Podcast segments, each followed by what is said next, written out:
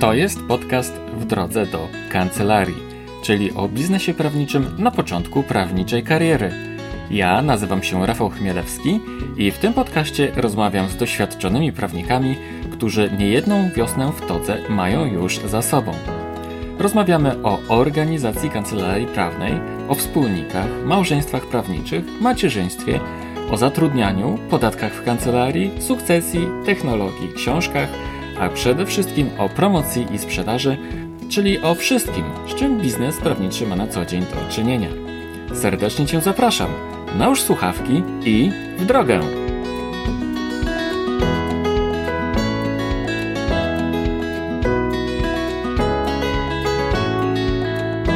Cześć, dzień dobry. Witam Cię serdecznie w podcaście w drodze do kancelarii. To jest odcinek numer jeden. Odcinek, od którego wszystko się zaczyna. Zawsze przecież bowiem musi być ten pierwszy raz. No i ten pierwszy raz, ten pierwszy odcinek jest właśnie teraz. W drodze do kancelarii to przede wszystkim rozmowy, wywiady i pogadanki. Dzisiaj mam dla Ciebie wywiad z wyjątkową prawniczką, radcą prawnym, osobą, która prowadzi swoją kancelarię w Warszawie, ale nie urodziła się ani nie studiowała w tym mieście.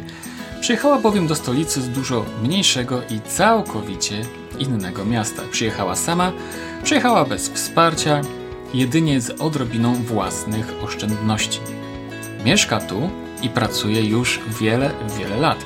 Zakorzeniła się, zadomowiła i sukcesywnie, i co ważne, metodologicznie, z głową rozwija swoją kancelarię. I pomimo tego, że jest doskonale zorientowana na cel, jest bardzo trzeźwo myślącą osobą, ma bardzo zdrowe podejście i patrzy na swój zawód z dystansu. Od niedawna prowadzi własny blog prawniczy o zarządzie w spółce. Blog, który już po dwóch miesiącach funkcjonowania osiągnął świetny, naprawdę dobry wynik ponad 400 odsłon na dobę. W podcaście rozmawiamy o wykonywaniu zawodu radcy prawnego. Jak to jest w praktyce, jak to jest w życiu po prostu. Moja rozmówczyni dzieli się swoimi przemyśleniami, wskazówkami i sporym już doświadczeniem. Gwoli informacji dodam, że podcast w drodze do kancelarii jest z radością wspierany przez Weblex. Panie i panowie, mecenas Aneta Kułakowska. Dzień dobry, Aneta. Dzień dobry, Rafale. Witam Cię. Jesteś pierwszym gościem w podcaście e, w drodze do kancelarii. Powiedz mi, jak się czujesz w ogóle dzisiaj? Bardzo dobrze. Bardzo dobrze się czuję. Jest piękny wiosenny dzień. Dobra, gotowa? Gotowa, tak. Dobrze. To e, dla porządku. Imię i nazwisko. Aneta Kłakowska. Tytuł zawodowy? Radca prawny. Od jak dawna wykonujesz swój zawód? Właściwie pracuję od czasów ukończenia studiów, czyli od prawie 18 lat. Od 18 lat? Od 18 lat. Wow. Sam zawód radcy prawnego krócej, ale w zawodzie pracuję od prawie 18 lat. Mhm, no to pełnoletność w Tak. zasadzie. Tak. Dobrze. Powiedz mi, czy prowadzisz kancelarię samodzielnie, czy w spółce? Właściwie samodzielnie prowadzę kancelarię. W formie spółki, ale to, to jest kompletnie samodzielna, samodzielnie prowadzona kancelaria. Mhm. A zastanawiałaś się kiedyś, e, czy nie prowadzić kancelarii razem z kimś, z jakimiś wspólnikami? Na razie nie. Ale to nie znaczy, że w ogóle w przyszłości nie biorę tego pod uwagę, bo jeżeli chcę rozwijać kancelarię, to sama tego nie zrobię. Więc albo to będzie współpraca, e, tak jak jest to w tej chwili, tak, na, dość luźna, e, która nie ma formy spółki, albo uda nam się zbudować kancelarię z osobami, którymi poznam Mhm. i stworzymy jakąś silną markę. Mhm. Także nie mówię nie. Zobaczymy, co się będzie działo w przyszłości. Mhm, mhm.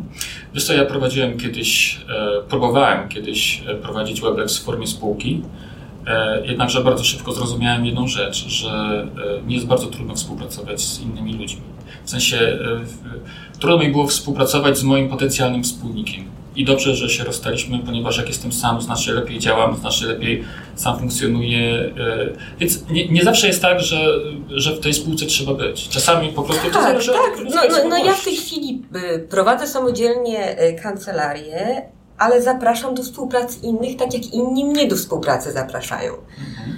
Albo przekazuję całość sprawy czy projektu do prowadzenia, albo prowadzę z kimś, Mhm. albo zapraszam kogoś do pomocy i tak, Tak. też robią koledzy, bo to też zależy od tego, czym się zajmujemy. Jeżeli Tak. sprawa skomplikowana i wymaga pracy więcej niż jednej osoby, Tak. albo nawet dobrze dla dobra sprawy, żeby zajęły się e, nią więcej niż jedna lub dwie osoby, to wtedy trzeba zapraszać ludzi do współpracy. No ale niekoniecznie prowadzenie kancelarii zawsze się sprawdza.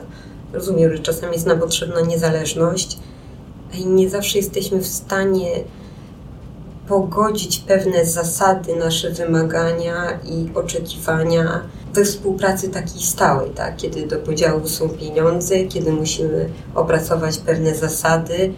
No, no niekoniecznie to się sprawdza Tak, w spółkach. Tak, tak. Poza tym w przypadku, kiedy jest więcej osób, to już dochodzą kwestie zarządzania, kwestie e, dogadywania się, wzajemnych jakichś relacji, które często możą, mogą czy wchodzą wrę- wręcz na to pole e, takiego czasu, który musisz wykorzystać na pracę Tak, merytoryczną. tak. A poza tym, jeżeli chcemy prowadzić spółkę, ja sobie wtedy wyobrażam, że ja mogę prowadzić spółkę z osobami, które są w pewien sposób podobne jak ja. Mają pewne zasady, e, mają pewne wymagania, widzą relacje z klientem tak, jak ja to widzę. I na pewne rzeczy nie jestem w stanie się zgodzić. W pewnych sprawach, w kontaktach z klientami, ja nie jestem w stanie pójść na kompromis i pewne rzeczy odpuszczać. Mhm. Dlatego niektóre współprace zakończyłam, bo były dla mnie nie do zaakceptowania i dlatego samodzielnie pracuję, taka we współpracy, a nie w formie spółki. E, Powiedz mi, gdzie ukończyłaś studia prawnicze? Studia prawnicze skończyłam w Białymstoku. A pochodzisz w ogóle z tego miasta? Czy? Mm, Wychowałam się w Łodzi. W Białymstoku, do Białegostoku przenieśliśmy się z rodzicami, kiedy miałam 9 lat. No i tak ten Białystok, mimo że bardzo fajne, przyjemne miasto, no ja nigdy nie poczułam, że to jest moje miasto. Mhm. Ja się nigdy tam nie poczułam u siebie. Mhm. jeżeli z Łodzi zostałam przeniesiona do Białegostoku, to są kompletnie inne miasta. Tak, I ja się zawsze czułam nie, na, nie u siebie. tak. E, więc nie udało mi się y, wyjechać na studia mm, po maturze e, do Warszawy z różnych względów. I wiedziałam już kończąc studia, że, że, że muszę się pożegnać z Białymstokiem. Łódź już też nie była moim miastem, więc wybrałam Warszawę. Mhm. E, powiedz mi, skąd u Ciebie zainteresowanie w ogóle prawem handlowym, spółkami? Zaczęło się od mojej takiej pierwszej poważnej e, pracy po studiach. Zaczęłam pracować e, w spółce akcyjnej, e, która się zajmowała prawem budowlanym. No i spółka akcyjna okazała się sporym wyzwaniem, tym bardziej, że jeszcze egzaminy na studiach kończyłam, Mhm. na, kiedy jeszcze były wcześniej stare przepisy, na bazie starych przepisów. Mm, Więc tutaj teoria, stare przepisy, nowe przepisy i, i wymagania z tym związane no, okazały się sporym wyzwaniem. I na początku no, no, no jakoś nieszczególnie byłam tym zainteresowana, Aha. bo ja przez całe studia interesowałam się prawem karnym. Mhm. Prawo karne to był mój konik. Aha, Reszta też mnie interesowała, ale no, no nie tak jak prawo karne. tak. Więc ja głównie byłam nastawiona na, w tym kierunku i właściwie moim planem było, że kończę studia i, mm, i, i będę robić e, aplikację prokuratorską. To się okazuje, że kończę studia, wyjeżdżam do Warszawy i zaczynam pracę w spółce akcyjnej. Mhm. Nie miałam żadnego doświadczenia w prowadzeniu spółek akcyjnych, więc wiedzę to musiałam zdobywać sama, bo w firmie też mi nikt nie potrafił pomóc. No się, I to się okazało takim wyzwaniem, że ze strachu okazało się ogromnym zainteresowaniem i wciągnęłam się zarówno do spółki akcyjnej, w ogóle spółek kapitałowych, bo jednak bardziej kapitałowo mnie interesują, i prawem gospodarczym. Także Mhm. w kierunku już takim e, do obsługi typowo y, mm, firm i biznesu. Mhm. Mhm. Założyłaś blog prawniczy, Tak. tak? W tym roku, w styczniu. E, o czym blog jest? O zarządzie spółce. A dlaczego założyłaś prawniczy blog? Właściwie złożyło się na to, na to kilka kwestii. Wiedziałam, że chcę pisać, dzielić się wiedzą. Potrzebowałam takiej platformy do dzielenia się wiedzą dla swoich e, aktualnych klientów i przyszłych klientów. Zauważyłam, że pewne rzeczy ja w kółko powtarzam, Mhm. a mogłabym ich po prostu skierować. Ale wiedziałam, że nie będę wydawać gazetki dla swoich klientów, tak? Poza tym już od wielu lat śledziłam Twoje poczynania. Także blog z marketingu prawniczego, ja już nawet nie pamiętam kiedy, ale to były jakieś zamierzchłe czasy. To Mhm. musiały być jakieś początki, że ja czytałam tego bloga. I, I, ja wiedziałam, że to jest dobry kierunek. Ja od razu po prostu wiedziałam, o co ci chodzi w tym wszystkim. Mhm. Więc ten blog był moim marzeniem od dawna. Mhm. Tylko ja miałam mnóstwo wątpliwości. Po pierwsze, czy ja umiem pisać tak, żeby tego bloga ktoś czytał? Poza tym miałam taką świadomość, że ja muszę już iść w kierunku jakiejś specjalizacji i ja muszę się na czymś skupić, że ja czuję, że to jest odpowiedni czas, że powinnam się skupić na czymś, co lubię robić, w czym mam duże doświadczenie i powinnam dać rynkowi potencjalnym klientom taki sygnał, że ja tu jestem, ja się w tym specjalizuję. Mhm. A blog był do tego idealny. Mhm.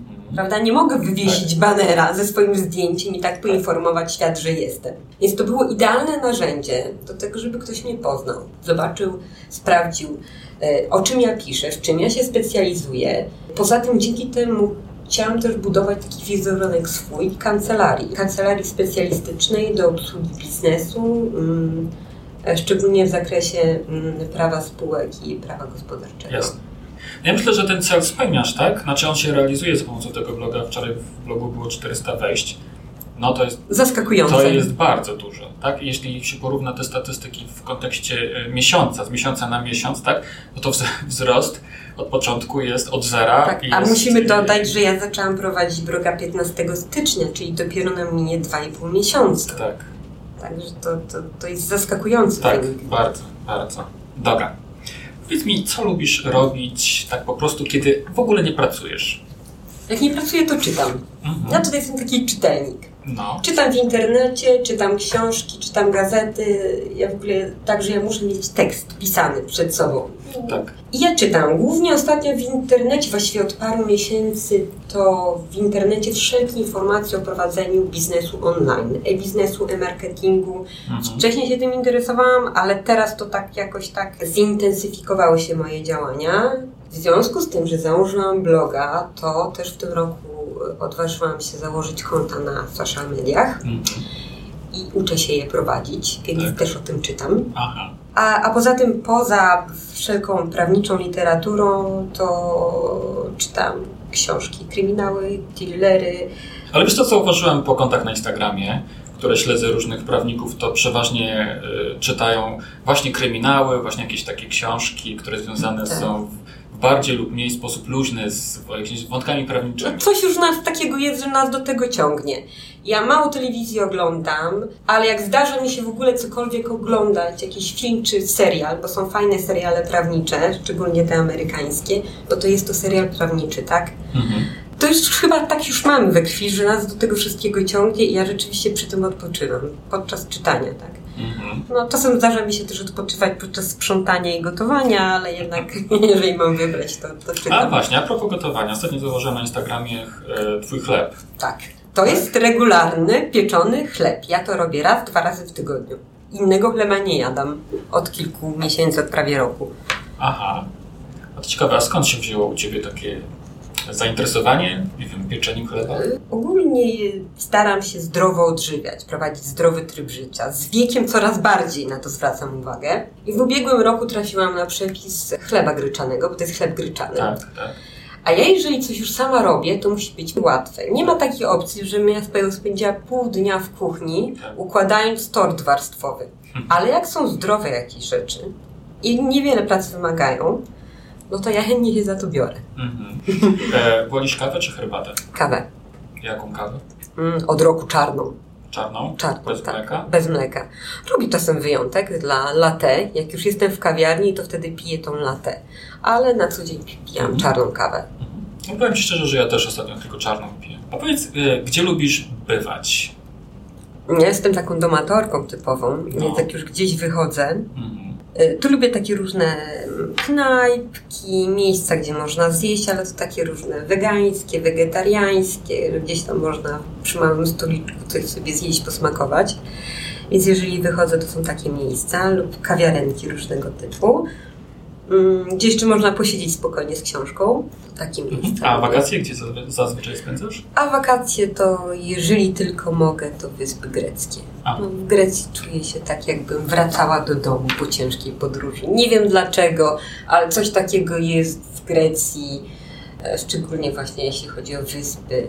Na Rodosie już byłam kilka razy, że jak tam po prostu już dotrę, to czuję się tak, jakbym wróciła do swojego miejsca. Tak Ale jeździsz tam głównie w wakacje, czy może teraz jak jest chłodniej? nie byłam nigdy jakiejś chłodniej, chętniej bym pojechała. No, to kwestia jeszcze planowania. Pracuję nad tym. Mhm. Mhm. Wróćmy, Aneto, jeszcze do Warszawy, do Białego Stoku i Twojej przyszłości. Dlaczego wybrałaś Warszawę? Przecież mogłaś pojechać do Krakowa na przykład, e, też duże miasto i też duży ośrodek. Bo tak jak już pomyślałam, że no Łódź nie, bo już tam nie pasuje, to musi być duże miasto. Jak jest duże miasto, to taka jest niezależność. I wybrałam Warszawę. Właściwie to był pierwszy wybór, jakoś się nad tym nie zastanawiałam. Nagle, ja mam takie myśli, że czasem po prostu coś mi w głowie za, zaświta i, to jest dobry wybór. I wtedy zaświtało, że to Warszawa. Mhm. Był to dobry wybór. A powiedz mi, wiesz, bo ja pamiętam tak e, siebie, jak przyjechałem po raz pierwszy do Warszawy. Ja z, do Warszawy przyjechałem z Trójmiasta. Nie? Więc Mhm. w zasadzie Trójmiasto to też jest duże miasto. E, A to był rok 95. Ale powiem szczerze, że wyszedłem z tego dworca centralnego i nie wiedziałem, co mam ze sobą zrobić. Po prostu ten ogrom miasta, ta przestrzeń po prostu spowodowała to, że czułem się kompletnie zagubiony i nie wiedziałem, w którą stronę mam pójść. I jak sobie właśnie poradziłaś w tym mieście? Bo wiesz, na, nawet jeśli byś przyjechała z Łodzi, nawet jeśli byś przyjechała z Białego Stoku, tak? Nawet gdybyś właśnie przyjechała z Trójmiasta, czy no z Krakowa może nie, tak? Bo Kraków jest jednak dużym miastem. Ale, gdyby, ale nawet jak przyjeżdżasz z takiego dużego miasta, to jednak Warszawa jednak jest czymś innym.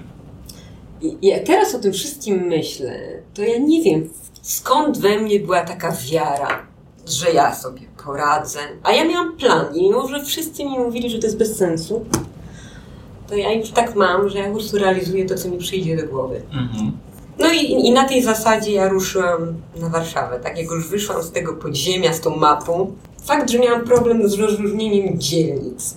Nie wiedziałam w ogóle, gdzie jadę. I było tak, że za pierwszym razem jechałam na Ursus 517 i trafiłam na targówek. Do dziś to pamiętam. Po prostu pojechałam w drugą stronę. Tak.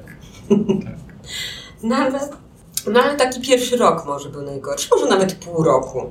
A potem to już jakoś tak naturalnie wszystko wyszło. No. Jednak jak jest człowiek młodszy, to nie zdaje sobie sprawy z wielu rzeczy. E, Każdy, myślę, z nas robił, robił dziwne rzeczy w ciągu swojego życia, jak był młody, tak naprawdę. Nie, nie, zdając, nie zdając sobie często sprawy z konsekwencji. Tak. No ale to dzięki temu właśnie jesteśmy w stanie, jako młodzi ludzie, e, podbijać świat w pewnym No tak, to byśmy po prostu siedzieli, nic nie robili, w ogóle nie mieli żadnego celu i, i po prostu byśmy słuchali tylko innym, a tobie nie wyjdzie, a tobie się nie uda, gdzie ty jedziesz, nikogo nie znasz, nie masz pracy. Ja przyjechałam do Warszawy, ja nie miałam pracy.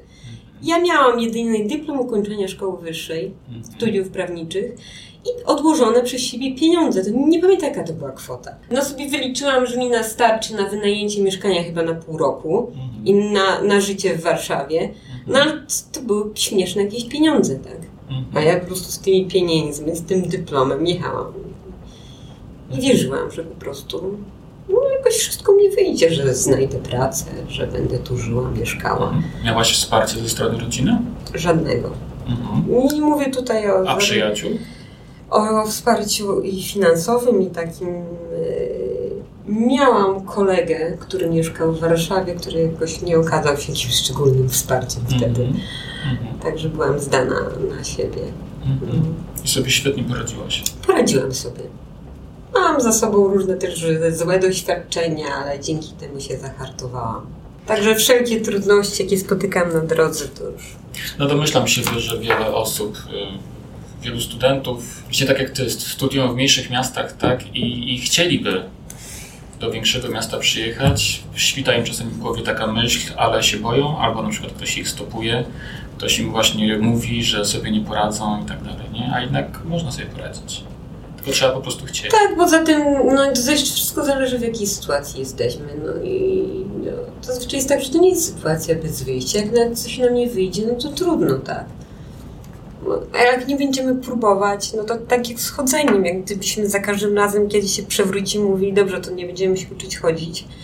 To Tak. tak, tak jest w życiu cały czas. Trzeba próbować. Jeżeli studenci, aplikanci czy młodzi prawnicy na samym początku się zrażą, na samym początku są głównie trudności, No tak? właśnie. e, na samym początku są głównie trudności, no to nie pójdą dalej. Mhm. I jak będą wokół słuchać tych ludzi, że jest konkurencja, że jest rynek słaby dla prawników, że nie znajdą pracy, no to już możemy usiąść, wziąć ten dyplom i zacząć płakać. Po co nam mhm. aplikacja, po co w ogóle wychodzić z domu? Mhm. A to chodzi o to, żeby znaleźć w sobie taki upór, żeby pomimo tego, co mówią inni, działać, tak? Mhm. Ja nie miałam poparcia. Zawsze słyszałam, że coś robię i to niekoniecznie jest tak, jak powinno, tak? Miałam je, bo wobec mnie były zawsze inne oczekiwania. Tylko musimy pamiętać o tym, że życie mamy jedno. Jak tym życiem kierujemy tak, e, że będzie ono spełniać oczekiwania społeczeństwa albo rodziny, to my nie dostaniemy drugiego życia, żeby je przeżyć po swojemu. Hmm. Tak? Jeżeli skończymy studia prawnicze, zakładam, że to będzie jakiś wybór chociaż części nasz, będzie to nam sprawiało radość i satysfakcję, to jeżeli nas prawo na przykład podatkowe nie interesuje, a rodzinne, to idźmy w tym kierunku. Hmm. Tak? Nie róbmy czegoś na siłę, bo to chodzi też o to, żeby mieć tej pracy jakąś radość. Na początku to jest trudno wybrać, tak, ale po jakimś czasie już możemy dokonać wyboru, w którym kierunku chcemy iść. Mhm. W miarę upływu czasu nabieramy doświadczenia i mhm. też jesteśmy bardziej świadomi tego, czego potrzebujemy, co lubimy, czego nie lubimy. Nie? Lubisz swoją pracę? Lubię bardzo. Też jest wymagająca, bywa stresująca, ale lubię. A gdybyś miała ją zamienić, to na co byś zamieniła? No i już nieraz się nad tym zastanawiałam, co by to było, czy w ogóle jest jakiś zawód, który mogłabym wykonywać. Tak nie do końca. No, mogłabym się jeszcze zająć biznesem i zarządzaniem, bo to jest jakaś tam część, która mnie interesuje. I, i, i też um, moje wykształcenie prawnicze z, też uzupełniłam w jakiejś części przez e, studia na SGH właśnie po to, żeby pozyskać wiedzę też i z zarządzania i, i z ekonomii więc może poszłabym w tym kierunku, ale nigdy tak na poważnie się nie interesowałam, bo bardziej to miało być tak, że ta wiedza z zarządzania miała uzupełniać tą moją wiedzę prawniczą, tak żeby być tym takim prawnikiem dla biznesu rzeczywiście, mhm. z krwi i kości, mhm. więc nie wiem. Mhm. Dobrze. Aneto, dziękuję Ci za pierwszą część naszego wywiadu. Przejdźmy do części e, drugiej, bardziej e, praktycznej, czyli e, wskazówki, rady dla początkujących prawników. Jestem przekonany, że masz takich całkiem, całkiem sporo. Powiedz mi, czy masz jakąś taką generalną zasadę dla początkujących prawników? Generalną wskazówkę, generalną radę, taką ogólną? W ogóle jak myślę o tym wszystkim i myślę też o, o sobie, tak jak już mam jednak y, lata pracy za sobą, to jest taka konsekwencja w działaniu. Właściwie tych rzeczy, które dotyczą młodych prawników rozpoczynających swoją pracę jest całe mnóstwo. Y, gdybym chciała teraz zebrać to, to oprócz tej konsekwencji działania bym powiedziała, żeby nie bać się zmian, tak. żeby być otwartym na propozycje i oferty, że ja z własnego doświadczenia wiem, że czasem za tą nieciekawą ofertą, y, nieciekawym klientem z pozoru, tak. okazuje się, że stoi fajna praca, tak. za którą idą nie tylko pieniądze, tak? ale idzie ogrom doświadczenia, które możemy zdobyć. Mhm. Czasem coś pozornie nieciekawego, gdzie powinniśmy od razu na to machnąć ręką. Okazuje się naprawdę, nie powiedziałabym żyłą złota, ale czymś takim, który nas przenosi na całkiem inny poziom. Tak, tak. Także trzeba być otwartym, wyszukiwać tych okazji i nie mówić nie, zanim nie dowiemy się, co jest za tymi drzwiami, tak? Co się mhm. kryje za tą ofertą. Co się kryje za tym z pozoru takim śmiesznym klientem na przykład. Mhm. Tak? Bo to często ci śmieszni klienci, tacy niepozorni, to są bardzo ciekawi ludzie, którzy prowadzą bardzo fajne firmy, w których nie, nie tylko można pracować, ale można zdobywać naprawdę duże doświadczenie. Mhm. Cenić siebie i wciąż się rozwijać. Zdobywać wiedzę nie tylko z zakresu prawa, ale z zarządzania, z finansów, umiejętności miękkie, które u nas prawników niestety wciąż mhm. są słabo rozwinięte. Musimy nad tym pracować. Na studiach tego nie ma. Na aplikacji bywają zajęcia z tego, ale to wciąż za mało. Musimy nad tym pracować. No nie powinniśmy się poddawać. Porażek w życiu będzie pełno. Musimy się do tego przyzwyczaić, że porażki będą. To jest wymagający zawód i musimy zdawać sobie sprawę, że społeczeństwo od nas też wymaga więcej i są większe od nas oczekiwania jako od prawników. Mieć wyznaczony cel i dążyć do niego wbrew wszelkim przeciwnościom. Nie mówię po trupach, tak? Ale, ale wiedzieć, czego my w życiu chcemy. A gdybyś miała powiedzieć, e, wskazać taką generalną radę dla aplikantów? Być elastycznym, no, ciężko no. pracować i poszukać sobie mentora. E, to u nas w Polsce chyba nie jest tak dobrze rozwinięte. Kiedyś to lepiej funkcjonowało, tak. ale gdybym miała powiedzieć, czego brakuje w kancelariach, to tego mentoringu takiego. Mhm. Bo na początku drogi fajnie mieć kogoś. Nie mówię, kto nam po prostu wskaże cel, a z kim możemy przegadać, kogo możemy zapytać. To jest ważne. Tego, tego, tego brakuje. Ja myślę, że to jest cenne na początku kariery na pewno trzeba do, zdobywać najwięcej różnorodnego doświadczenia. Uczyć się, zdobywać wiedzę i maksymalnie dużo praktyki, czyli brać udział we wszelkich stażach, zaczynać pracę w kancelarii, w urzędzie, w dziale prawnym firmy, gdziekolwiek. Nawet jeżeli będziemy zaczynać od parzenia kawy. Mhm. Bo to chodzi o to, żeby poczuć to, tą pracę, ten rytm, tą mhm. organizację. Mhm że potem się okazało, że zaczynamy wykonywać zawód, a my gubimy się w tym wszystkim. To jest istotne. Tak, to jest, te, to jest jeszcze ten czas, kiedy możemy też pozyskiwać pierwsze znajomości i kontakty, tak? tak. które potem właśnie mogą się przy, e, przydać. Nawet nie wiadomo kiedy tak naprawdę. Tak, to wszystko będzie procentować. Także mhm. to jest czas na to, żeby, żeby nie tylko zdobywać doświadczenie i wiedzę, ale też zdobywać pierwsze kontakty. No i ta taka aktywność też pozwoli nam potem w uzyskaniu przewagi konkurencyjnej, tak? która teraz jest taka istotna. No, to prawda. Tak. Aneto, a powiedz mi, e, taka ogólna rada dla, dla studentów tak jak rozmawiam z niektórymi studentami, to większość tak naprawdę mm, nie ma bladego pojęcia, na czym polega ten zawód, e, nie myśli o tym, co będzie robiła po studiach, tak? ale wśród tego grona jest taka garstka, garsteczka ludzi, którzy są e, bardziej świadomi tego, e, dlaczego znaleźli się na tych studiach, co będą robili po studiach. Jaką mogłabyś im dać radę generalną wskazówkę? Jeżeli już wiedzą, co chcą robić w życiu, to już jest początek drogi. To już jest bardzo dobre. Tak? Bo gorzej, jak y, jesteśmy na studiach, a tak kompletnie nie do końca wiemy, po co się tam znaleźliśmy. Tak? E, więc musimy w jakiś sposób dowiedzieć się, co chcemy od życia. No, czasem na studiach tego się nie dowiemy, ale dzięki różnym aktywnościom jesteśmy w stanie uzyskać taką wiedzę. Mhm. Dobrze. Mhm. Powiedz mi tak, e, czy warto stawiać sobie jakiś cel? No tak. Ja stawiałam i wciąż stawiam cele. Ale czy nie uważasz, że stawianie sobie celów to jest w pewnym sensie ustawianie sobie jakiejś presji życiowej? Ja uważam, że sobie trzeba stawiać jakieś cele, tak? Tylko trzeba pamiętać o tym, żeby nie stać się niewolnikiem tego celu. Aha. Dlatego, że tak, załóżmy, że sobie ustawiamy cel. Czasem będzie to cel, który zrealizujemy w ciągu roku.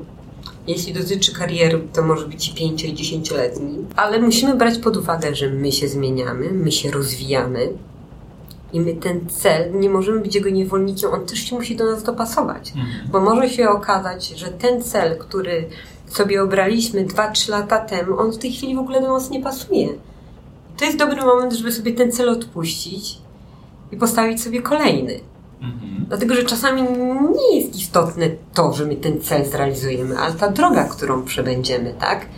Bo jeżeli nie, rozwijamy kancelarię, budujemy sobie listę klientów, czymś dążymy do tego, żeby pozyskać jakąś wiedzę i się specjalizować, my przebywamy tą drogę ale może się okazać, że zaczynamy od podatków, a nas zainteresuje w ogóle coś innego, co stanie się naszą miłością to jest po prostu znakomite, kiedy możemy znaleźć e, zawodowo coś, co jest dla nas ogromną przyjemnością, bo wtedy mamy zawód, który jest ciężki, wymagający, możemy coś robić jeszcze mieć z tego naprawdę radość. Mhm. Więc żeby gdzieś po prostu cele tak, ale jednak żeby, żeby te cele też się rozwijały razem z nami. Mhm. Powiedz mi, jesteś bez wątpienia osobą, która jest bardzo zajęta. Skąd znajdujesz czas na tyle obowiązków? Bo praca zawodowa w zasadzie tak naprawdę mogłabyś pracować od rana do wieczora, tak? Ale no znajdujesz tak. jeszcze czas na to, żeby e, e, żeby upiec chleb, znajdujesz czas na to, żeby poczytać, żeby dokształcać się w innych dziedzinach. Skąd na to czas znajdujesz? Cały czas pracuję nad swoją organizacją. Wszystko staram się planować w kalendarzu i też pamiętać o tym, że nie tylko pracą człowiek żyje.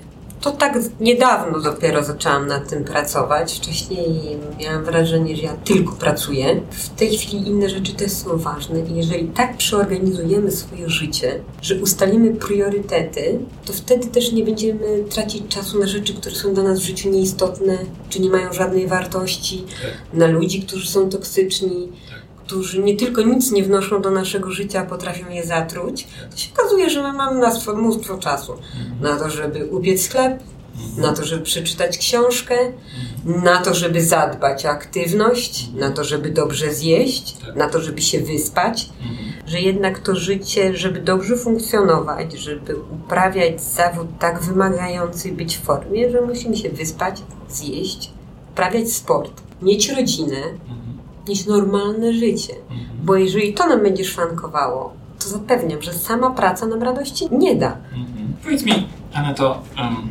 czy warto na samym początku wynajmować biuro?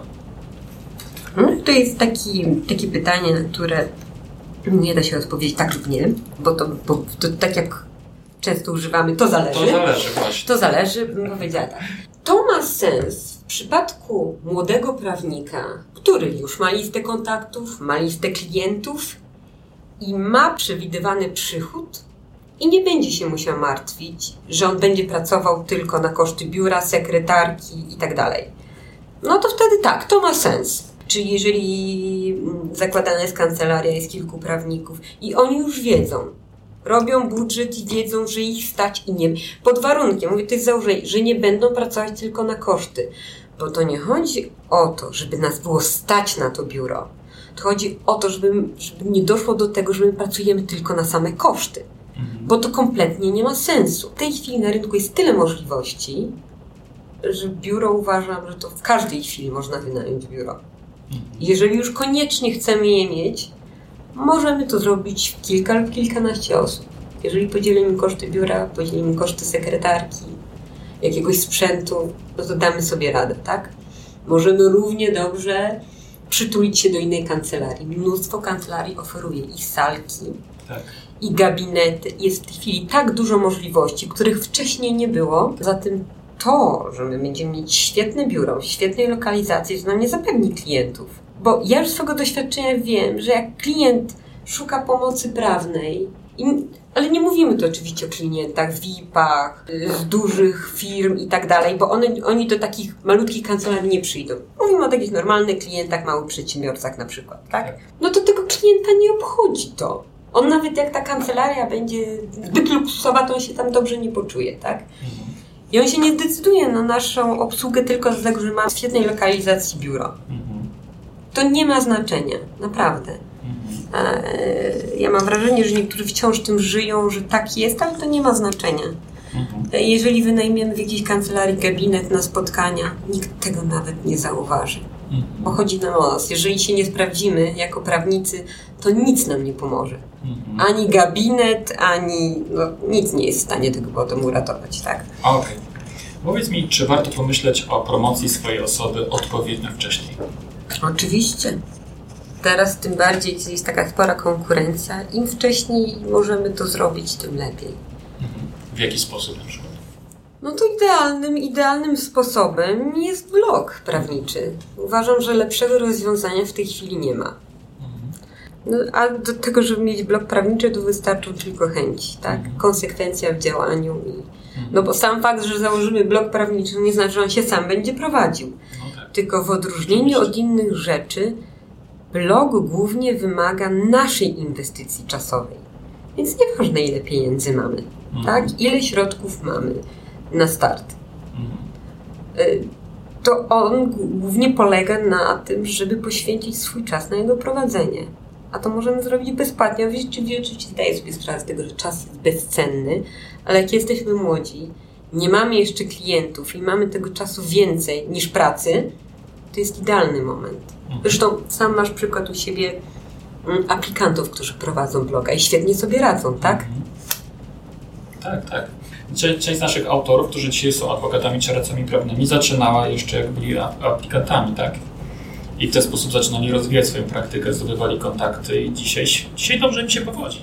Nie tylko świetnie siebie rozwinęli, ale też, też swoją praktykę prawniczą. Tak? E, czy warto na wczesnym etapie nawiązywać różne kontakty? Jak się da, tylko wszędzie kontakty, wszędzie bywać. I... Oczywiście nie na siłę, tak? Mhm. Bo czasami takie wciskanie wizytówek czy oferowanie swoich usług. Nie, ale trzeba być, informować. Chodzi o to tak naprawdę, że w tej chwili się to na tyle zmieniło, że klient nie będzie tak jak kiedyś szukał, tak? Tylko my musimy dać mu się znaleźć, żeby to nie było trudne. Więc sam fakt, że założymy piękną kancelarię, to nic nie da. My musimy, my musimy dać się łatwo znaleźć. I żeby do klienta przy, przyszła taka informacja, kim my jesteśmy, czym się zajmujemy, w czym mamy doświadczenie, w czym możemy pomóc. I o to chodzi, żeby temu rynkowi dać taką informację, że my jesteśmy, my się tym zajmujemy, my w tym pomożemy, żeby klient nas bez problemu znalazł.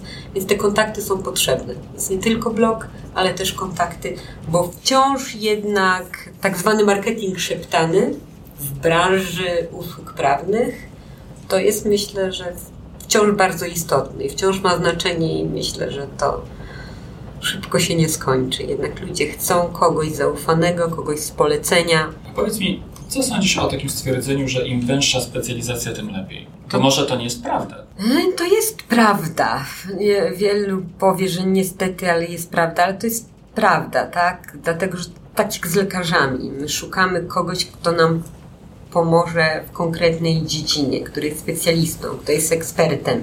Jak jesteśmy ekspertem, to budzimy zaufanie. Jeżeli zajmujemy się wszystkim, no to dajemy taką informację, że w niczym się nie specjalizujemy, tak? Jak jesteśmy dobrzy od wszystkiego, to nie jesteśmy dobrzy w niczym. Na początku drogi zawodowej nie jest to dobry pomysł. To jest moje zdanie. Tak. Dlatego, że na początku drogi zawodowej my musimy zdobywać doświadczenie we wszelkich dziedzinach. Dlatego, że to jest jedyna droga do tego, żeby być wszechstronnym. Żeby móc potem łatwiej ocenić problem. Mhm. Na początku zdobywamy wiedzę we wszystkich dziedzinach, jaka jest możliwość. Więc jeżeli mamy szansę pracować z prawem karnym, administracyjnym, cywilnym, handlowym, gospodarczym, róbmy to. Tak. Ale potem pomyślmy o, pomyślmy o tym, żeby jednak zacząć się w czymś specjalizować.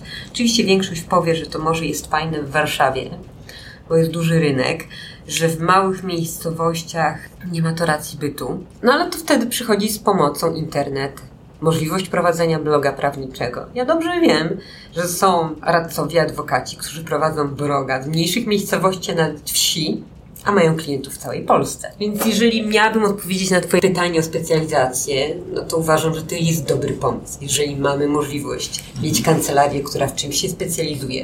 Czy my pracujemy w kancelarii i my się w czymś specjalizujemy, no to to jest idealne rozwiązanie. Czy warto korzystać z mediów społecznościowych? Mam wrażenie, że my już nie mamy wyboru. Ja tyle lat tego unikałam. No się okazało, że założyłam bloga i trzeba też światu się pokazać za pośrednictwem różnych mediów. Możesz profil jeszcze na Instagramie, tak? Tak. Mam profil na Facebooku, Instagramie, Twitterze i LinkedInie. Aha. I mam wrażenie, że tutaj w tej chwili, jeżeli chcemy istnieć, nie mamy wyboru. Musimy, tak?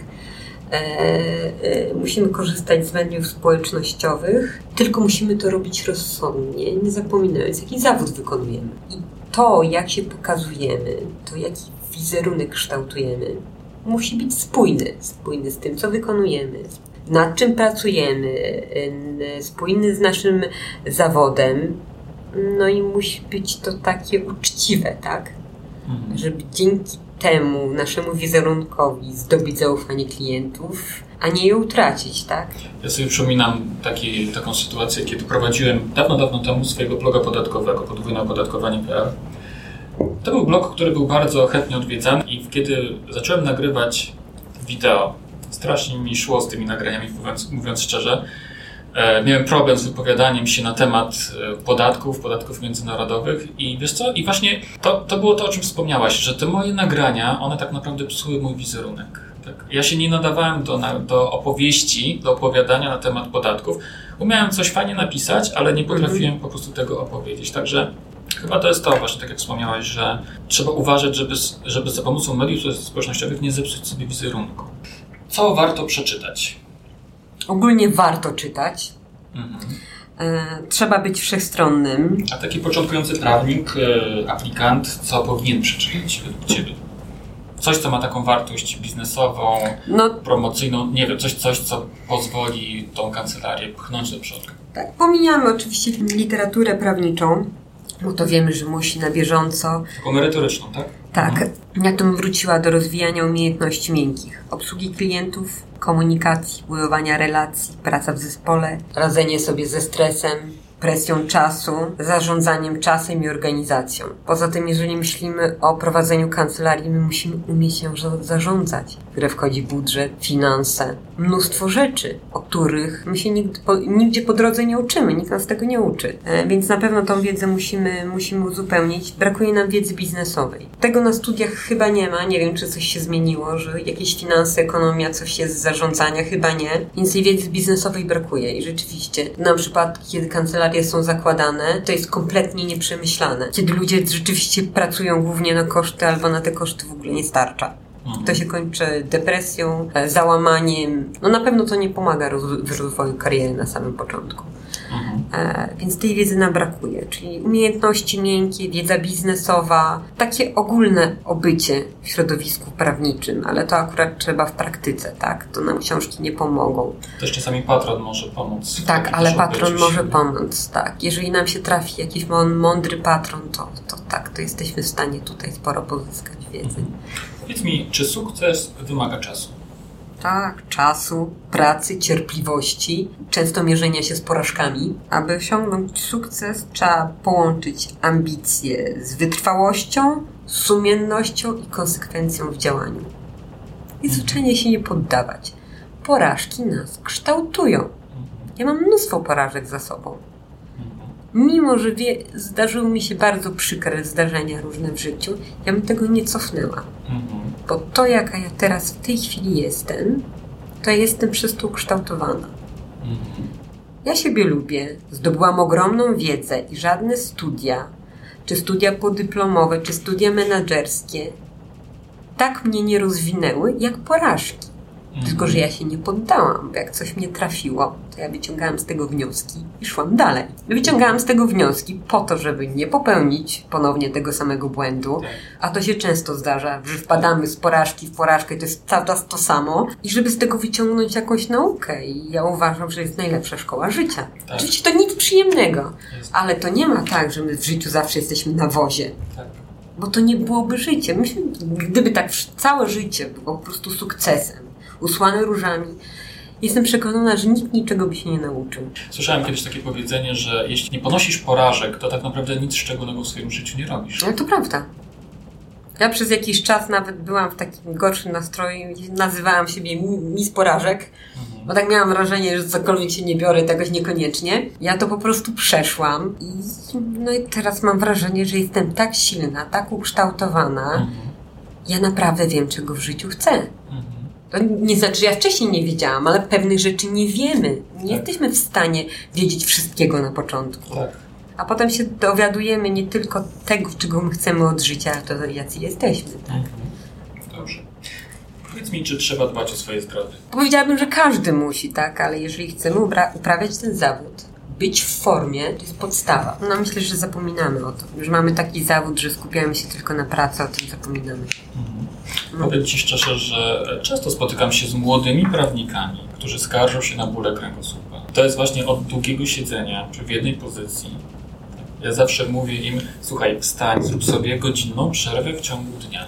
Mhm. E, idź na spacer, przewietrz mózg, przy okazji poruszasz się trochę, przy okazji będziesz mógł, czy będziesz mogła pomyśleć o sobie, o swojej przyszłości, tak. o jakiejś strategii, o różnych innych wartościowych rzeczach. To też jest element Twojej pracy, nie? I Twoim obowiązkiem jest również to, żeby dbać o swoje zdrowie, bo, bo po pierwsze zawód, który wykonujesz, po drugie klientów, których masz, o których musisz zadbać. Wiele zależy od Twojego zdrowia. Rzeczywiście, ale zapominam, wspominasz o spacerze. My nie musimy chodzić na siłownię. My nie musimy biegać, jeżeli nie lubimy. Wystarczy spacer. To jest naturalny sport i utrzymany w dobrej kondycji. I tak jak mówisz, jest czas na to, żeby przemyśleć.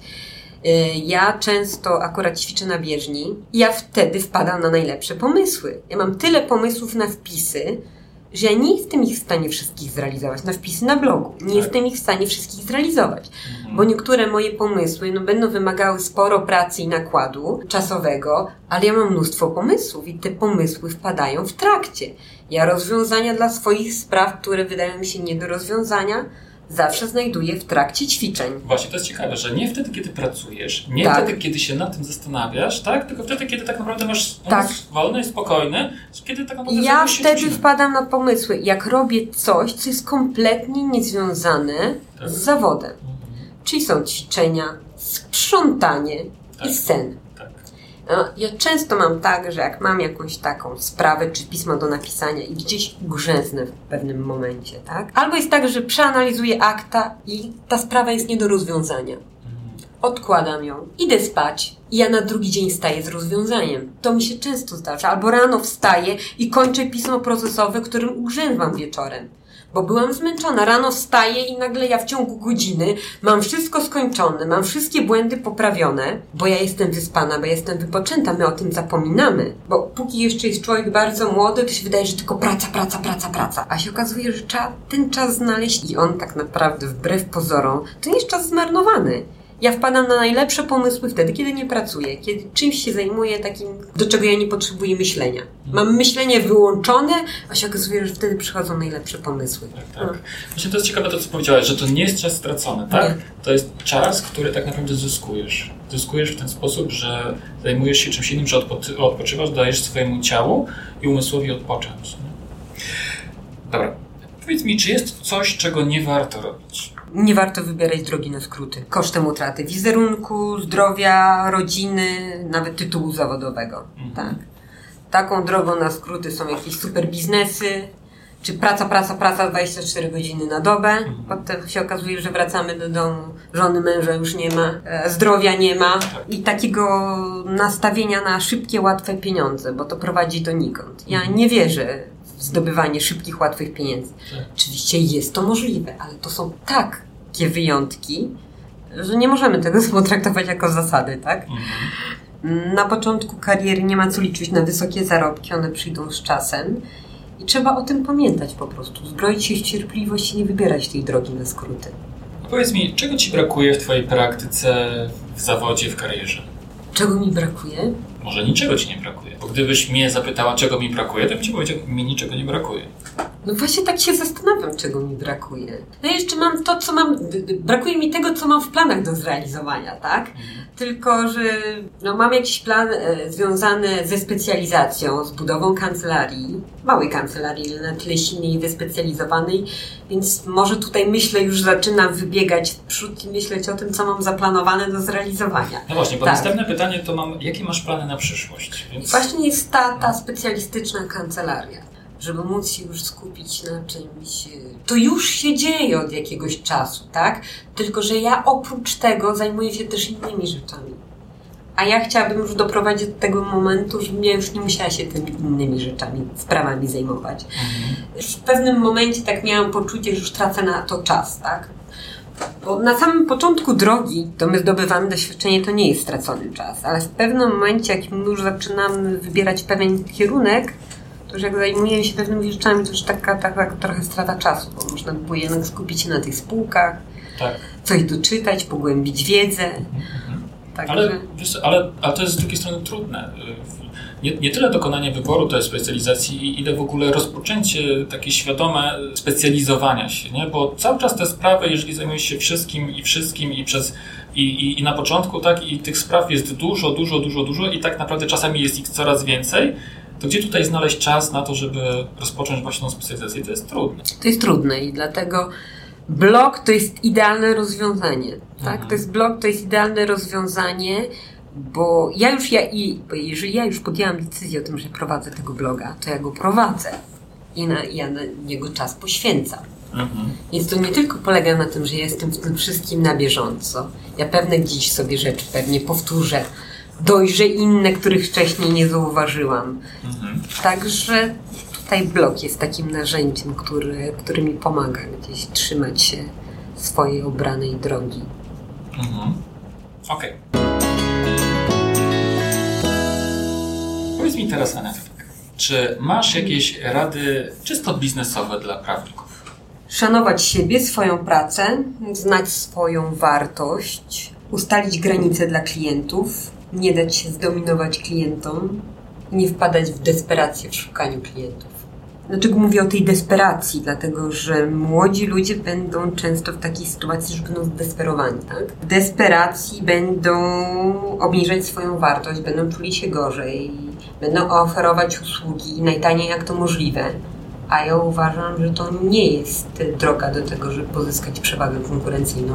Mhm. Absolutnie jest to droga donikąd. Mhm bo wszystko, co jest tanio, tanio, to żaden klient tego nie doceni. I ta desperacja jest wyczuwalna. Ja mam wrażenie, że ta desperacja wyczuwalna jest wszędzie. Tak w poszukiwaniu klientów, jak i partnerów życiowych. Dokładnie. Wiesz co, wydaje mi się, że to, jeżeli ktoś jest desperowany, tak, to to po prostu czuć, głosie, to widać. Tak nawet jeśli ktoś świadomie mm -hmm. tego nie odbierze, że to po prostu będzie czuł i będzie tak, zniechęcony. To, to, to, czuć. Powiem tak z własnego doświadczenia. Czy zdarzyło mi się być zdesperowanej? No może zdarzyło mi się, ale staram się nie podejmować żadnych kroków. Mm -hmm. Ale znam przypadki, gdzie ta desperacja wpłynęła na poszukiwanie klientów i skończyło się tym, że oczywiście był klient, była praca, było zlecenie, a klient oczywiście był roszczeniowy i niezadowolony z niczego. Tak. E, niesłusznie zresztą i w rezultacie nie zapłacił. A powiedz mi, jak sobie radzić z konkurencją? Konkurencja jest coraz większa, e, więc jak sobie z tym poradzić? No i tutaj wracamy do tematu specjalizacji. Nie uzyskamy tego od razu, tak? Nie uzyskamy tego na początku drogi kariery zawodowej. E, na pewno w walce z konkurencją pomoże specjalizacja i wiedza ekspercka. I teraz od nas zależy,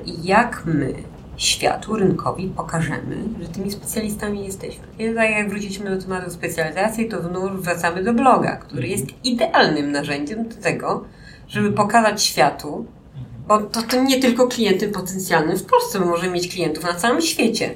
Nie ma żadnych granic. I to jest bardzo dobre narzędzie do tego, żeby radzić sobie z konkurencją. Bo to jest to, o czym ty bardzo często mówisz, o tym budowaniu relacji, o tym informowaniu, że my jesteśmy ekspertem, że się specjalizujemy, że w czymś jesteśmy dobrzy. Zobacz, że zanim ktoś do nas zadzwoni, czy z nami się skontaktuje, on wie, jak mam na imię, nazwisko, jaki zawód uprawiam, czym się zajmuję najczęściej, bo świadczy o tym blog jego wpisy, tak? Mhm. Jak wyglądam. Jeżeli już mu się na początku temu potencjalnemu klientowi nie spodobam, to on do mnie nie zadzwoni. A jak się spodobam, to już, już pewne, już jest, już mam więcej zrobiłam, nie zrobiła to konkurencja, tak? Także jest to, to idealne narzędzie tak. do, do tego, żeby, żeby o sobie powiedzieć. Wiesz co, powiem Ci szczerze, że często sam biorę udział w różnego rodzaju spotkaniach na których są różni przedsiębiorcy, tak? I powiem Ci, że zawsze jest tak, że w osłupienie wszystkich wprawiam tym, jak opowiadam o tym, że moja firma to jest przede wszystkim jedna branża, tak? I w tej branży to jest tak naprawdę tylko marketing, a z tego marketingu to tak naprawdę są tylko blogi prawnicze, tak? I wszyscy robią wielkie oczy, bo przeważnie agencje marketingowe po prostu zajmują się wszystkim jak leci. Nie? Mhm. Zawód jest nasz bardzo wymagający. My musimy być wszechstronni nie my możemy siedzieć w zamknięciu w kancelarii i nie interesować się niczym. Ja o marketingu prawniczym wiedziałam już wiele lat temu. O blogu prawniczym wiedziałam wiele lat temu. Jedyne, co mnie powstrzymywało, to brak takiej odwagi, no. Do tego, żeby podjąć decyzję, żeby tego bloga prowadzić. Pomyślałam sobie, że może jednak się do tego nie nadaje. A ludzie są zdziwieni, że coś takiego jak blog prawniczy istnieje. Ja jestem w szoku. Czy ludzie, czyli yy, prawnicy, prawnicy, tak? Że, że, są w ogóle zdziwieni, że istnieje coś takiego jak blog prawniczy. Powiem Ci, że jak ostatnio występowałem na tej konferencji Legal Market Day i wiesz co, ja właśnie odczułem, znowu odczułem to, poczułem to uczucie, które czułem na samym początku, jak, jak założyłem Weblexa. Kiedy rozmawiałem z prawnikami i, i kiedy opowiadałem im o blogu, to oni robili takie oczy, wiesz, wielkie oczy i i patrzyli na mnie z zażenowaniem i dokładnie tutaj to uczucie do mnie wróciło, kiedy ja myślałem, że jednak te czasy już dawno mamy za sobą, a jednak nie. Tak? I teraz to, co ty mówisz, tak to potwierdzasz. To jest dziwne, te, te, te, te, te, te moje słowa. Minęło, od założenia Weblexa minęło niemalże 10 lat, a wciąż jednak wiele kancelarii, wielu prawników tkwi jeszcze w tych czasach, być może nawet sprzed roku 2000. Nie? No i, i o czym to świadczy? To ja sobie myślę, no bo jednak sporo czytam różnych rzeczy tak myślę, że, że prawnicy w ogóle się nie interesują, po pierwsze, to, co się dzieje na rynku prawniczym, bo nie trzeba bloga prowadzić, żeby o nim wiedzieć. O tym, że jest takie narzędzie, że jest mnóstwo różnych narzędzi.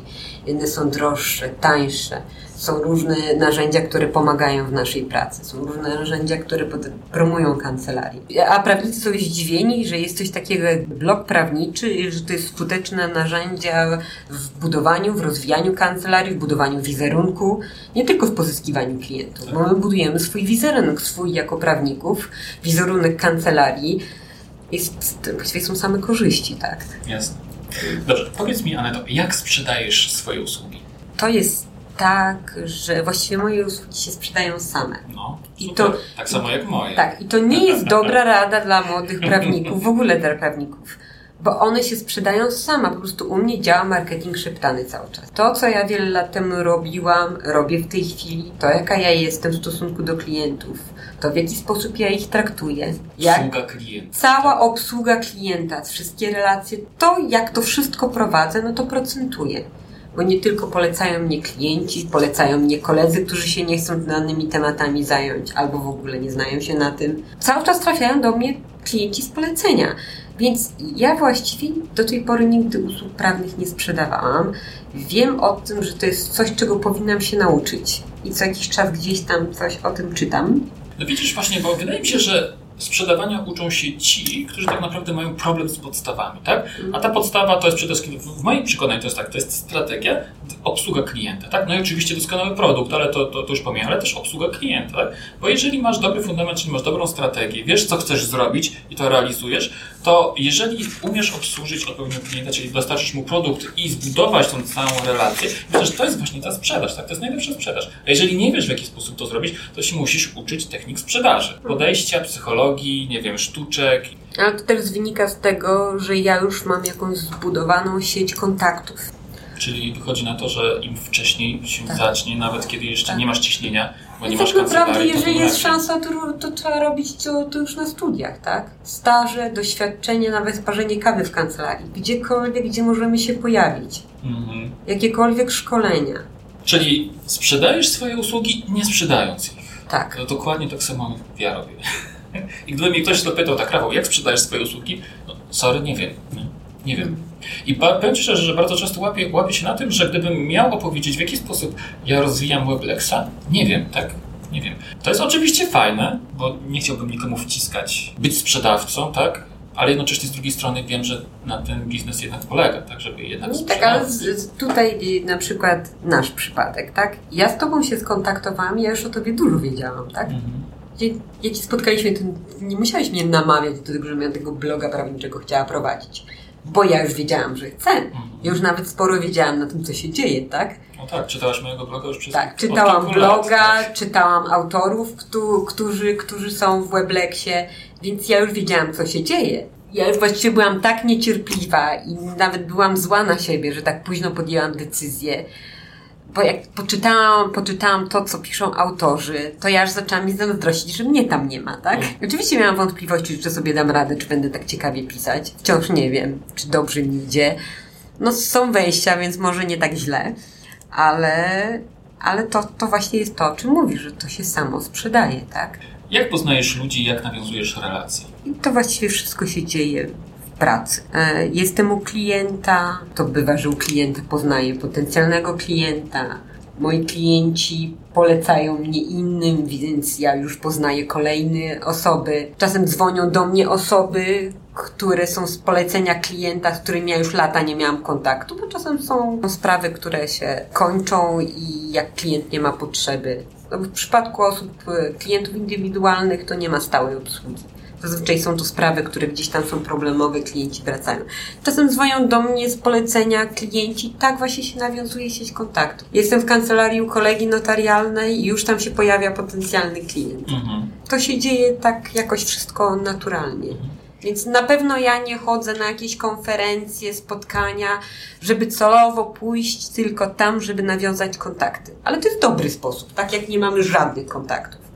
Prostu ja te kontakty, relacje nawiązuję tak po prostu naturalnie. Mhm. Powiedz mi, czy korzystasz z jakichś narzędzi, które usprawniają działalność? Nie wiem, jakieś systemy CRM, czy no, o to chodzi, że Na razie nie mam żadnego systemu CRM.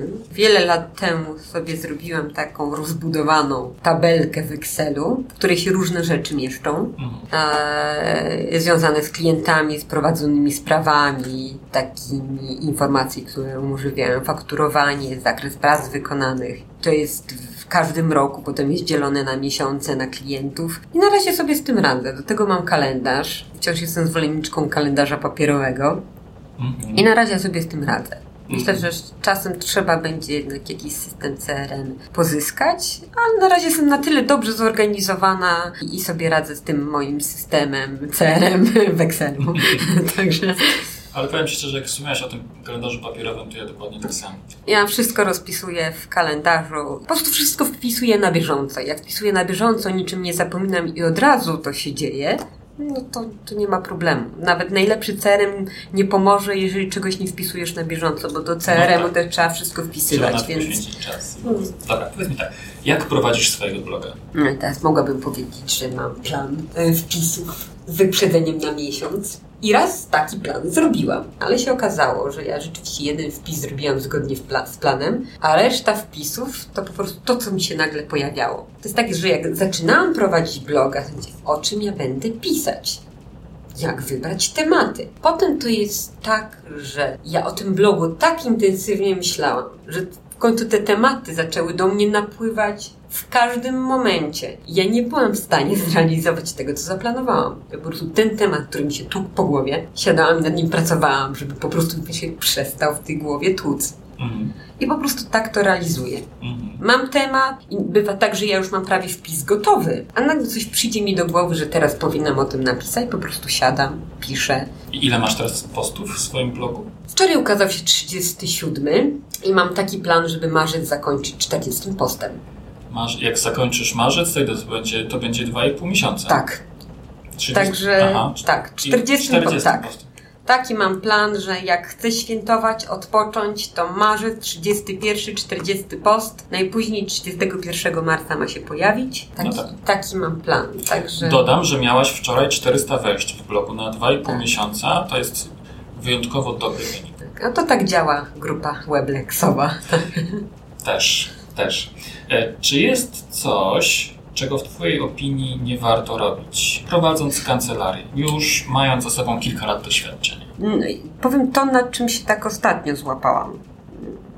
Żeby nie słuchać tak zwanych dobrych rad. Ja wiem, że to może się wydawać dziwne, ale... No bo wiesz, są dobre rady Tak. i dobre rady, tak? Zależy kto Ym. jest nadawcą. Tak, bo rad. oczywiście są dobre rady, ale my nie zawsze mamy kontakt z tymi ludźmi, którzy coś osiągnęli i mogą nam osobiście poradzić. Mhm. Bo dobrze, kiedy możemy słuchać takich ludzi, którzy coś osiągnęli Tak. i my możemy ich podpytać, ale to, to tak rzeczy nie mamy takich możliwości. Możemy Mhm. książkę przeczytać, Tak. gdzieś posłuchać wywiadu i żeby nie słuchać tych dobrych tak zwanych rad. Mhm. żeby gdzieś posłuchać też siebie. Ja jak tak sobie analizowałam, e, bo teraz jestem w takim, mam wrażenie, procesie zmiany i tak sobie analizowałam, to pomyślałam sobie, że te, te rzeczy, z których teraz tak nie jestem za bardzo zadowolona, to gdzieś były efektem tego, że jednak posłuchałam. Mimo, że jestem taką osobą, która bardzo rzadko kogoś słucha, to jednak gdzieś w takich gorszych momentach swojego życia kogoś posłuchałam. Nie był to dobry wybór. Jednak musimy się zatrzymać, dać sobie czas i intuicja nam podpowie. Mhm. Naprawdę, w moim przypadku to się sprawdza. Absolutnie tak, no w moim też. E, I ja, ja teraz jak analizuję te lata pracy i sobie przypominam różne przypadki, że intuicja mi pewne rzeczy podpowiadała. Ja na przykład czułam, że coś nie powinnam zrobić, że to nie jest dobry wybór. A jednak gdzieś posłuchałam czyjejś rady, dokonałam wyboru, no i za to zapłaciłam. Także tylko musimy się zatrzymać, musimy mieć taki czas dla siebie, żeby się przekonać, czego tak naprawdę chcemy i co nam ta intuicja chce podpowiedzieć, tak? Ale mam wrażenie, że że to, to da się poczuć, tak? Czy coś jest dla nas dobre, czy coś jest dla nas korzystne, czy nie damy się gdzieś wplątać w jakieś układy, które nam nie pomogą w niczym, a mogą tylko zaszkodzić. Mhm. Także, także akurat to mi przyszło do głowy, że Mhm. czego nie warto robić, to słuchać tych tak zwanych dobrych rad. Tak, bo te, te rady to nie tylko ciocie, wujkowie i tak dalej, tak, ale to są też rady takie, które pochodzą od pseudospecjalistów, Tak, których jest na rynku cała masa. Wystarczy, że ktoś wyda książkę i już jest traktowany Mhm. jako specjalista, a tak naprawdę tylko wydał książkę, tak? książkę wydać, wydać w dzisiejszych czasach. No tak, no możemy sami to wydać. Tak nam wydawnictwo nie jest do tego potrzebne. E, czy są jakieś błędy, które popełniłaś w swojej karierze? No, całą masę błędów. Dzięki nim wiele się nauczyłam, bo to jest tak, że nikt nas na studiach i nie uczy, jak zaplanować życie zawodowe i co nas czeka po ich ukończeniu. Więc jak nie mamy od kogo się uczyć, a najczęściej nie mamy jednak od kogo się uczyć, to musimy się przekonać na własnej skórze. No ale dzięki tym różnym błędom, porażkom, ja wiedziałam, co mam wybrać, co jest dla mnie dobre, co ja lubię, a co niekoniecznie. Także chodzi też tu nawet o, o wybór specjalizacji, o drogi zawodowej. Jako prawnicy mamy mnóstwo możliwości. Jak kończymy studia, mamy całe mnóstwo możliwości. To są naprawdę świetne studia, które nas nie ograniczają. Bo gdybyśmy w, te, w tej chwili usiedli, mieli wymienić, gdzie my możemy jako prawnicy pracować, to nie wiem, czy byśmy uzupełnili tą listę w ciągu godziny.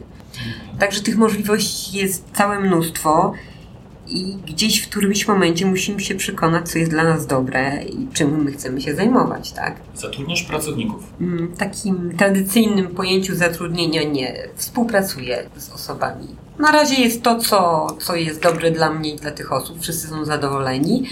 Myślę, że to w jakimś najbliższym roku się zmieni, ale na razie są to wszystko mhm. współprace. Mhm. Ale to masz na myśli taką współpracę z osobami, które Ci pomagają w kwestiach administracyjnych, czy po prostu są inni prawnicy, którzy I merytoryczne... I inni prawnicy merytorycznie, mhm. Których zapraszam do prowadzenia wspólnych spraw, albo którym przekazuję większej sprawy do prowadzenia, albo ja, którym pomagam w prowadzeniu jakiejś sprawy.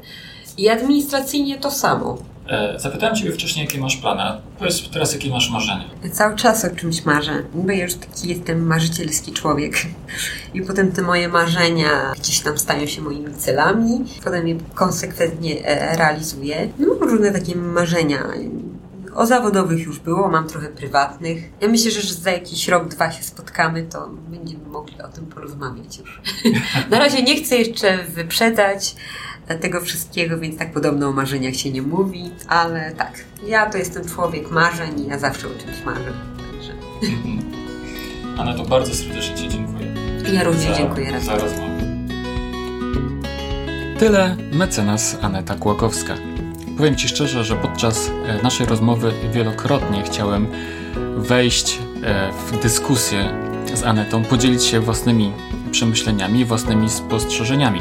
No ale moja rola jest przede wszystkim taka, żeby zadawać pytania i słuchać, a nie żeby mówić. Mam nadzieję, że to, o czym rozmawialiśmy, było dla Ciebie pomocne. Gdybyś miał, czy gdybyś miała jakieś pytania, jakieś propozycje, wskazówki, to zawsze jestem otwarty na wszelkiego rodzaju sugestie. To był podcast w drodze do kancelarii, odcinek numer 1. Pozdrawiam Cię serdecznie i do usłyszenia następnym razem.